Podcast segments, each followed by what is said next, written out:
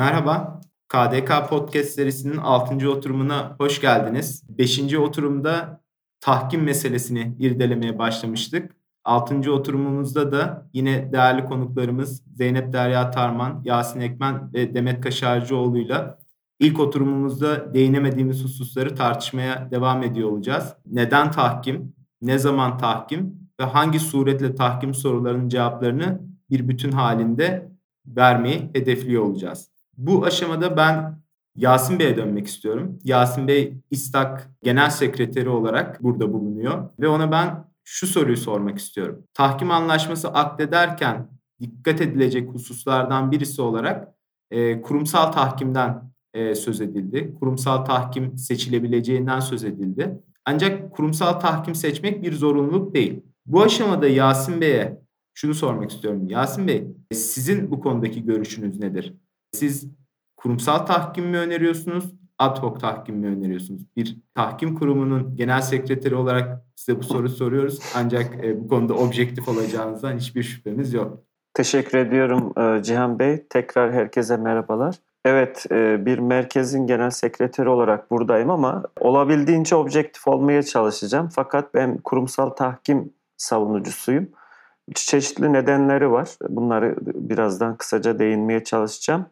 E, öncelikle kurumsal tahkim nedir'e baktığımızda e, kurumsal tahkimde taraflar bir önceki oturumda Derya Hocam'ın da belirttiği tahkim anlaşmasını hazırlarken aralarında doğacak uyuşmazlığın çözümünü bir tahkim merkezine bıraktıklarında bıraktıkları tahkim çeşididir. EDOK tahkimde ise herhangi bir tahkim merkezi işaret edilmez. Sadece aramızda doğan uyuşmazlıklar tahkimde çözümlenecektir şeklinde e, sözleşmeyi oluşturabilirler. Uygulamaya baktığımızda %80 civarı, %80-85 civarı kurumsal tahkim tercih edilmekte. Geri kalan %20-15 EDOK tahkim tercih edilmekte. Şimdi ben kurumsal tahkimi tercih eden bir tahkimci olarak neden kurumsal tahkim denildiğinde bir kere kurumsal tahkimde öngörülebilirlik, kesin öngörülebilirlik söz konusudur. İşte nedir? E, süreler. Kurumsal tahkimde süreler çok nettir. E, biraz önce bir önceki oturumda da konuştuk. İstanbul Tahkim Merkezi'nde seri tahkim bulunmakta ve 3 ayda uyuşmazlıklar, küçük uyuşmazlıklar 3 ay gibi bir süre içerisinde bitirilmekte. Üzeri 1 e, milyonun üzerindeki uyuşmazlıklar 6 ayda. EDOK tahkimde ise böyle bir durum söz konusu değil. HMK ve MTK'ya baktığımızda hakemler 1 yıl içerisinde uyuşmazlığı bitirmek zorundalar. Şimdi kurumsal tahkimde, seri tahkimde 3 ay, normal tahkimde 6 ay süresini öne koyduğunuzda hakemler burada daha dikkatli davranır ve bu süre içerisinde e, uyuşmazlığı bitirmeye çalışır. Çünkü e, bir an önce bu uyuşmazlıkları bitirip başka dosyalarda hakemlik yapmak ister. Ya aslına baktığımızda ilgili herkesi e, bir e, disiplin altına almakta bu öngörülebilir süreler.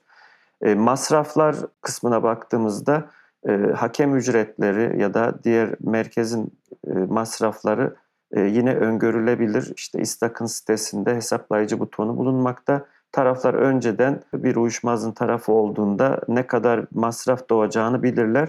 Ama EDOK tahkimde böyle bir durum söz konusu değil. Orada e, hakemler taraflarla bir e, ücret pazarlığına girebilmekte e, bu da nahoş durumlar doğurabilmekte. Baktığımızda yine kurumsal tahkimde bir sekreteriya vardır. Yani her zaman bir yardım eli bulunmakta taraflarca. Kurumsal tahkimde yine kurumsal kurumun itibarı nedeniyle icra edilebilirlikte tenfiz e, aşamasında daha kolay bir durum ortaya çıkabilir. ETOK e, hakem kararının e, icrası veya tenfizi e, ile kıyasladığımızda. Kurumsal tahkimi tercih ettiğinizde çok fazla müzakere etmeniz gerekmiyor uyuşmazlıkların halli maddesiyle ilgili.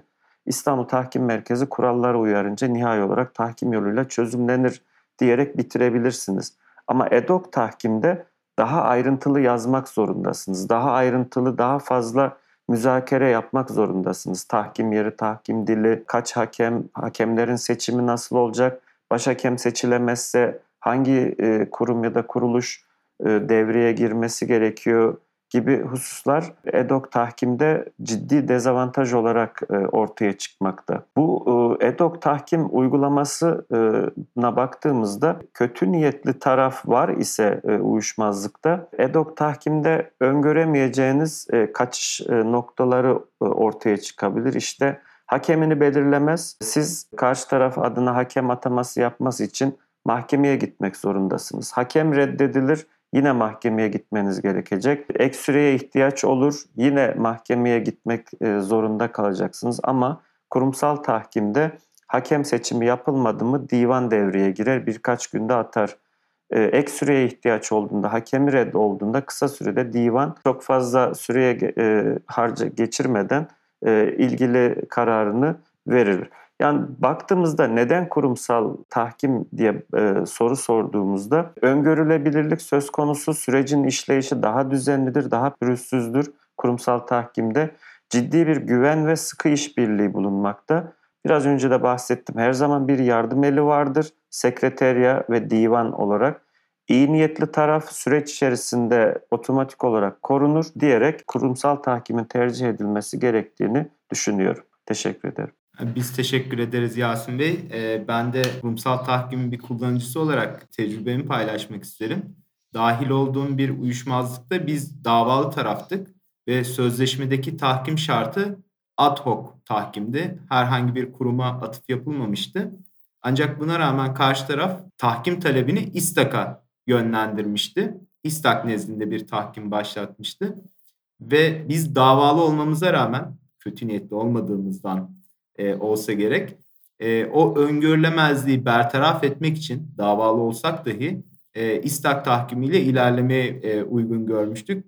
Çünkü sizin söylediğiniz öngörülemezlikler davacı da olsanız, davalı da olsanız her iki taraf için de e, olumsuzluğa yol açabiliyor ve sekreteryanın varlığı değerli. E, ben burada yine e, Demet Hanım'a dönmek istiyorum.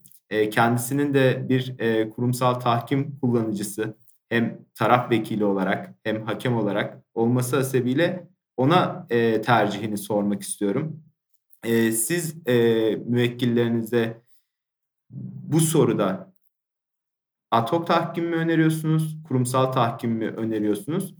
Ve burada da kurumsal tahkimi tercih ettiğinizde bir sonraki soru hangi kurum sorusu oluyor? Bu soruya cevap verirken e, hangi meseleleri göz önünde bulunduruyorsunuz? E, Yasin Bey e, masraflardan söz etti ki masraflar bunun e, bir parçasıdır diye düşünüyorum. E, yine Yasin Bey'in yanında e, İSTAK haricinde e, kurumları da konuşmak e, durumundayız. E, ama e, Yasin Bey anlayışla karşılayacaktır diye düşünüyorum. Teşekkür ederim Can Bey. Öncelikle tecrübenizi duyduğum için çok mutlu oldum. Keşke bütün taraflar ve vekiller sizin gibi bir bakış açısına sahip olsa diye geçirdim içimden. Şöyle ben de açıkçası kesinlikle bir kurumsal tahkim e, kullanıcısıyım.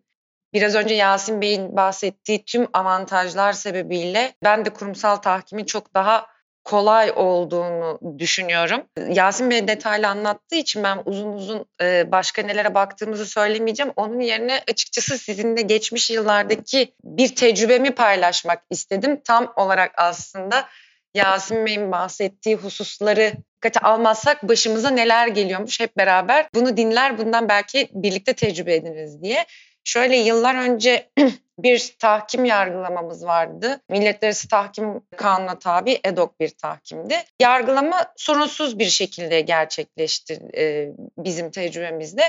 Tahkikat sonlandırıldı. Daha sonrasında biz heyetin kararını beklemeye başladık. Ancak karar uzunca bir zaman gelmedi e, ve bildiğimiz üzere Millet Arası Tahkim Kanunu'nda tahkim süresi bir yıl olarak belirlenmiş durumda ve eğer süresi içinde karar verilmezse de kararın iptali gündeme geliyor. Bu bir yıllık sürenin sonuna doğru tabii biz karşı tarafla Millet Arası Tahkim Kanunu 10. maddesi uyarınca anlaşalım, süreyi uzatalım dedik, irtibata geçtik. Ancak karşı taraf ne yazık ki kabul etmedi. Böyle durumda yapabileceğimiz tek şey aslında mahkemeden tahkim süresinin uzatımını talep etmek. Biz de bu yolu seçtik. Yargılama süresinin bitmesine az bir zaman kala. Tabii burada mahkemelerimiz o dönemde tahkim konusunda biraz daha az bilgili ve tecrübeliydi belki de.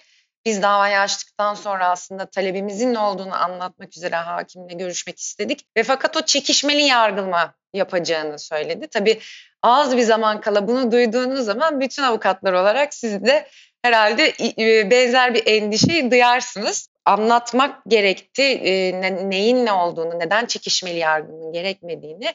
Daha sonrasında süre bitmeden e, neyse ki kararı alabildik ancak bu e, her zaman mümkün olamayacak bir şey olduğunu bize bu tecrübeyle göstermiş oldu. Tabii bizim tecrübemiz bununla da bitmedi. Süre uzatımı almış olmamıza rağmen bize karar hala daha tebliğ edilmemişti. Bunun üzerine tekrar süre uzatımı istedik mahkemeden ikinci bir kez. Tabii ilk sefer aldığımız kararın vermiş olduğu rahatlıkla ikincisini daha kolay alabildik ama hani tahkikat bitmişken tekrar tekrar süre uzatımı alıyor olmak bizi bu sefer vekiller olarak endişelendirdi. Heyete sorduk resmi olarak kararın ne zaman gelmesini e, bekleyebileceğimizi veya neden gelmediğini. Onlar da karşı tarafın yargılama masraflarını ödemediğini, aslında kararın yazıldığını ama masrafları almadığı için kararın tebliğe çıkarılmadığını ifade etti. Şimdi tabii böyle bir durumu aslında kurumsal tahkimde yaşamazsınız. Çünkü süre uzatımları, ödemelerin zamanları yapılmadığı takdirde bunların sonuçlarının ne olacağı zaten kurum kurallarında düzenlenmiş durumda. Bu aslında hem taraflar için hem de hakemler için oldukça yük hafifletici bir şey. Biraz önce hani yargılamanın, tahkim yargılamasının daha doğrusu pahalı olduğuna ilişkin görüşler olduğunu da ifade ettiniz. Özellikle ta, e, hani kurumsal tahkim olduğu zaman kurumun da kendisinin aldığı ücretler sebebiyle pahalı olduğu ve seçilmediğine yönelik görüşlere değindiniz. Ama burada aslında e, bizim kullanıcılar olarak ne gibi menfaatlerimiz var buna bakmak lazım. Ve aslında bu e, menfaatleri düşündüğümüz zaman kurumların aldığı ücretler aslında o derecede kötü değil. Çünkü bunu hizmetleri almadığınızda sizin vekil olarak bunları yapıyor olmanız gerekiyor ve bunun yine bir karşılığı var aslında müvekkiliniz üzerinde. O nedenle e, hem ekonomik olarak hem de pratik süreçler anlamında e, kurum kurallarındaki düzenlemeler e, bizim hayatımızı oldukça rahatlatıyor. E, bu nedenle ben de kurumsal tahkimi tercih ediyorum. Peki hangi kurumu seçiyoruz veya kurumları seçerken nelere dikkat ediyoruz? Aslında çok basit hangi kurum hangi hizmeti sağlıyor bize? Bizim sözleşmemizden olası ne gibi ihtilaflar çıkabilir ve bu ihtilaflarda bizim ne gibi çözüm önerilerine ihtiyacımız olabilir? Bunlara bakıyoruz. Sonra da bunları bize hangi kurumlar sağlıyor kurallarıyla bunlara bakıyoruz. Örneğin seri yargılama usulü var mıdır? Acil durum hakemine ilişkin düzenlemeler var mıdır? Bunlara bakıyoruz. Tabii ki ücret ve masraflar meselesi önemli. Bunlar için tarifeler var. İstak'ta olduğu gibi aslında birçok tahkim kurumunun web sitesinde e, hesaplayıcı dediğimiz yargılama masraflarını hesaplayan sayfalar var. Bunlar aslında bizim için yol gösterici oluyor. Kurumların kurallarını karşılaştırmak suretiyle en uygun e, tahkim kurumunu seçiyoruz. Teşekkürler Demet Hanım. Sizin cevabınızdan e, önemli olan hususların kurumun sağladığı imkanlar ve bu imkanları hangi e, ücret karşılığı sağladığının önemli olduğunu anlıyorum. E, sizin anlattığınız talihsiz olayda e, mahkemeyle de bir mücadeleniz e, oldu diye anladım e, ve benzer mücadeleleri hepimiz e, yaşıyoruz ve bu durumlarda e, kendilerine döndüğümüz hocalarımız var. Derya hocamız da onlardan birisi. E, mahkemelerle bir sıkıntı yaşadığımızda hocalarımızı dönüp sorularımızı onlara soruyoruz. Ben şimdi Derya hocamıza dönüp şunu sormak istiyorum. E, biz her zaman e, uygulamadaki sorunlarla size geliyoruz. Size geldiğimiz sorular hangi yönde değişti? Bunu da şunun için soruyorum. Türkiye'de son yıllardaki tahkim uygulamasını nasıl görüyorsunuz? Size gelen sorular daha özellikli konularda mı geliyor? Öncesindeki örneğin Demet Hanımların karşılaştığı olumsuzluklar artık tartışma konusu olmaktan çıktı mı? Nereye gidiyoruz?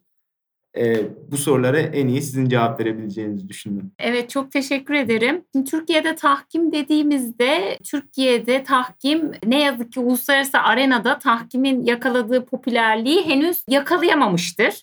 Yani bunun tabii birçok sebebi olmakla birlikte son dönemde Türkiye'de tahkimin önünün açıldığını da söyleyebiliriz. Ama çok daha iyi bir yerde olabiliriz. Yani özellikle uluslararası ticaretin önemli merkezlerinden biri olan İstanbul'un tahkim süreçlerinde olması gereken yerde olmadığını düşünüyorum. Tahkimin e, burada gelişmesi de hepimizin aslında e, bir rolü olduğu kanaatindeyim. Yani hem e, akademisyenlerin hem uygulamacıların ama aynı zamanda da Türkiye'deki mahkemelerin de bu sürece destek olması gerekiyor. Çünkü ilk oturumda bahsetmiştik. Yani tahkim dediğimizde uyuşmazlığın tarafları mahkeme yerine bir alternatif bir yargılama tercih ediyorlar. Ancak bu şu şekilde anlaşılmamalı. Tahkime gittiğimiz zaman e, mahkemeleri hiçbir zaman işimiz düşmeyecek şeklinde de algılanmamalı. Çünkü taraflar tahkimi e, tercih ettikleri noktada her zaman mahkemelere ihtiyaç duy, duyacaklardır. Hani bir örnek vermek gerekirse tahkimde e, verilen kararların e, bağlayıcı ve kesin olduğundan bahsettik. Yani temiz yolu kapalı dedik. Ancak e, tahkim yerinde e, bir iptal davası açılabilir ve bu da e, devlet mahkemeleri önünde açılır. Aynı şekilde tahkim sürecinde kazanan taraf kararı icra ettirmek istediği noktada New York Sözleşmesi'nden bahsettik. New York Sözleşmesi'nin bir avantaj olduğundan bahsettik ama New York Sözleşmesi'ni uygulayacak olan makam e, devlet mahkemeleri olacak. Yani siz o kararı aldığınız zaman kazanan taraf olarak hangi ülkede icra ettirmek istiyorsanız bu Türkiye ise o zaman devlet mahkemelerine başvurmanız gerekiyor. Demin Demet Hanım'ın da söz ettiği gibi ETOK tahkimde de yine mahkemelerin desteğiyle ihtiyaç e, duyabilirsiniz. Aynı şekilde ihtiyadi tedbir kararı alınması gerekiyorsa tahkim yargılaması sırasında yine devlet mahkemelerine başvurmanız gerekecek. Yani dolayısıyla tahkimin e, bir ülkede başarılı olabilmesi için e, yargının da e, bu süreçte çok önemli bir e, rolü e, var. E, ancak ben e, son döneme e, son dönemde e, tahkimin önünün açıldığından da bahsettim ve bunda da çok samimiyim. Çünkü gerçekten de tahkim e, konusunda büyük bir farkındalık var artık. Bu konuda e, büyük bir gelişme kaydettiğimizi düşünüyorum. Özellikle üniversite tarafına dönecek olursak artık lisans ve yüksek lisans seviyesinde e, hemen hemen her üniversitede tahkim dersleri e, var müfredatta. Tahkim derslerine yer veriliyor. Seçmeli ders olmasa bile e, milletler arası usul hukuku dersinde yani zorunlu milletler arası usul hukuku derslerinde mutlaka e, tahkim hukukuna da yer ayrılıyor. Aynı şekilde benim de uzmanlık alanım olan milletler arası özel hukuk derslerimizin de de e, birkaç haftayı tahkime ayırıyoruz. Yani dolayısıyla tahkim mezun öğrenciler açısından tahkimde bir bilinç olduğunu düşünüyorum. Bunun yanı sıra birçok değerli platform var. Marmara Üniversitesi ve İstanbul Tahkim Merkezi'nin beraber organize ettikleri tahkim okulları paneller serisini çok kıymetli buluyorum. E, bu dört yıllık bir proje. Her ayın son çarşambası e, YouTube'da da e, erişime açık e, olan bir paneller serisi yapılıyor. Mesela o da tahkim konusunda e, farkındalığı ve bilinci arttırıyor. Bunun yanı sıra Yasin Bey de aramızda e, İstağ'ın e, geleceğin tahkim avukatı yarışması da e, çok değerli bir katkı. Bu sene altıncısı gerçekleşti. Dolayısıyla burada da hem uygulamacıları hem e, öğrencilerin e, tahkim konularında hani tartıştıklarını, var olan sorunlara çözümler getirdiklerini e, gözlemliyoruz. E, onun dışında çok sayıda yayın var artık. Yani hem kitap düzeyinde hem e, makale düzeyinde tahkim alanında Türkiye'de son dönemde çok sayıda yayın yapıldığını görüyoruz. Dolayısıyla ben bir gelişme olduğunu görüyorum. Aynı şekilde yargı tarafına baktığımızda da özellikle Türkiye'de yabancı hakem kararlarının tanınması ve tenfizi konusu olsun ya da Türkiye'deki e, açılan yani tahkim yeri İstanbul olan e, tahkim yeri Türkiye olan pardon düzeltiyorum tahkim yeri Türkiye olan e, yargılamalardaki iptal davalarında yol kat edildiğini düşünüyorum. Derya Hocam teşekkür ederim. Sizin e, sözlerinizden sonra şunu düşündüm. Sizin şu an tahkimin gelişmesine katkıda e, bulunduğunu ifade ettiğiniz etkinliklerin katılımcıları kimler, e, bunları organize edenler kimler diye düşündüğümde e, şu an burada bulunan siz dahil Yasin Bey, Demet Hanım e, tahkimin gelişmesinde e, saydığımız tüm etkinliklerde var olan insanlar. Çok değerli bir e, konuşmacı grubumuz olduğunu tekraren e, hissettim. E, ben yine Demet Hanım'a e, dönmek istiyorum. Demet Hanım da e, Türkiye'deki tahkimin gelişimine 2012'den bu yana e, şahitlik ediyor ve bizimle tecrübesini de paylaştı.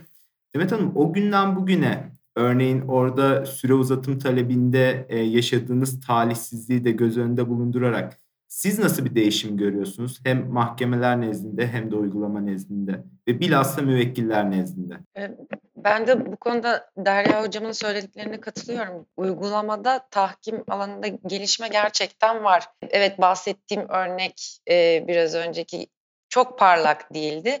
Ama üzerinden uzun zaman geçti ve gerçekten daha sonrasında böyle e, kötü bir deneyim yaşamadığımı e, söyleyebilirim. Bununla birlikte tabii ki hem uygulayıcılar olarak biz hepimiz çok çaba sarf ediyoruz. Hem yargı tarafında hem aslında piyasada tahkim kurumları, üniversiteler, hatta e, bazı meslek kuruluşları, topluluklar hepsi aslında tahkimin gelişimini destekliyor.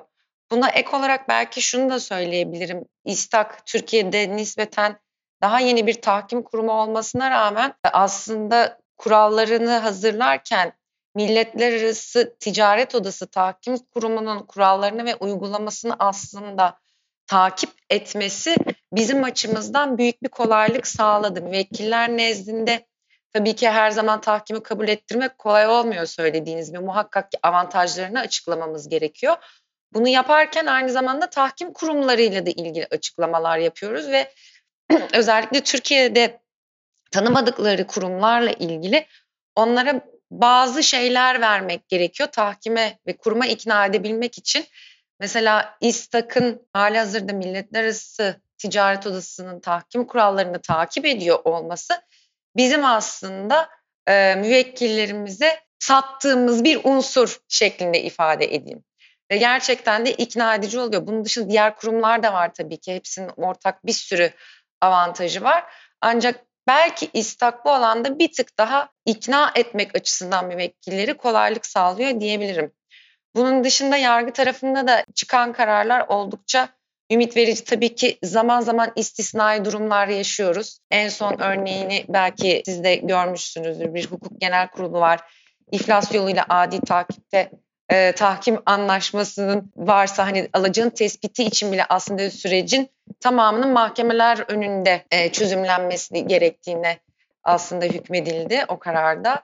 Tabii ki hani karşı oy var. Aynı zamanda uygulamacıların e, ya da akademideki hocalarımızın görüşleri de bu kararın çok isabetli olmadığı yönünde.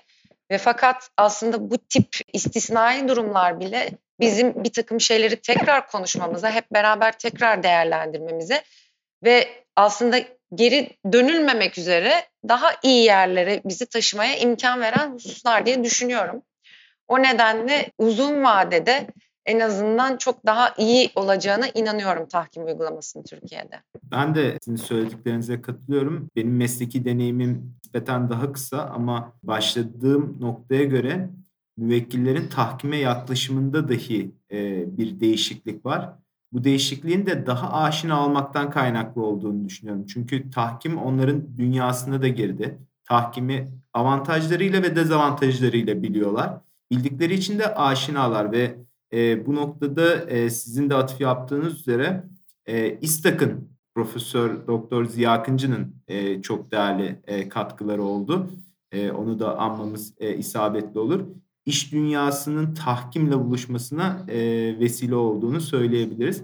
Ben burada Yasin Bey'e e, son olarak dönmek istiyorum.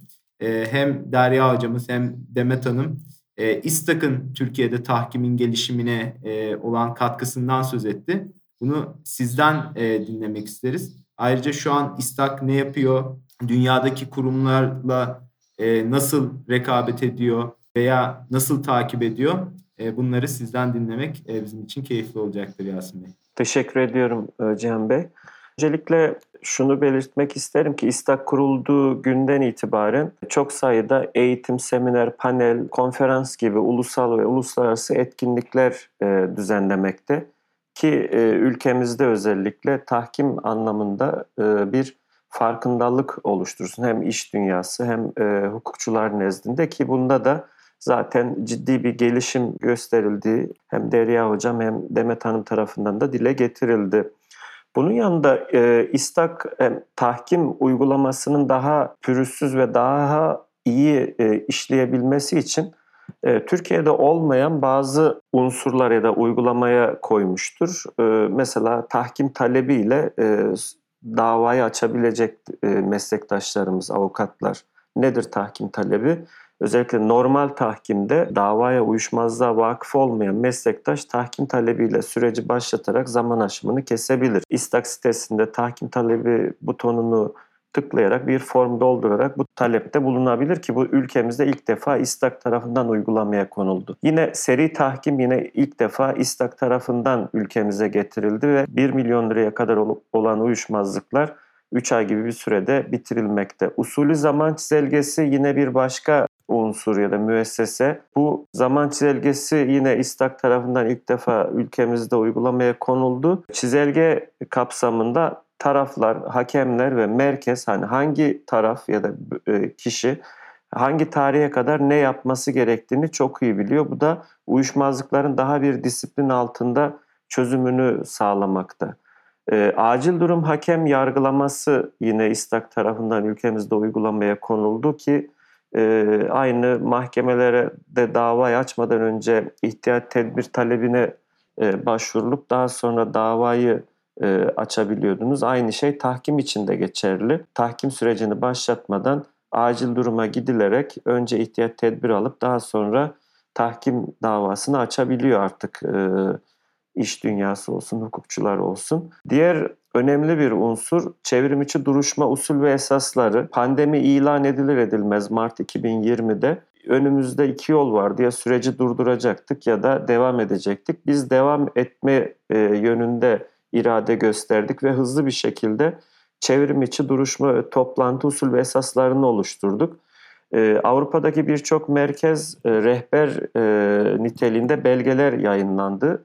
Ama biz normale geç döndükten sonra da çevrim içinin e, tercih edileceğini düşünerek usul ve esasları, kuralları e, oluşturalım, uygulamada kalsın yönünde irade gösterdik ve belki şu an dünyadaki en kapsamlı hem telekonferans hem video konferans aşamalarını düzenleyen e, usul ve esaslara sahibiz. 2020'de süreç hiç durmadı bizde. %100'ü çevrim içi ilerledi. 2021'de yine %90 civarı çevrim içi şekilde ilerledi.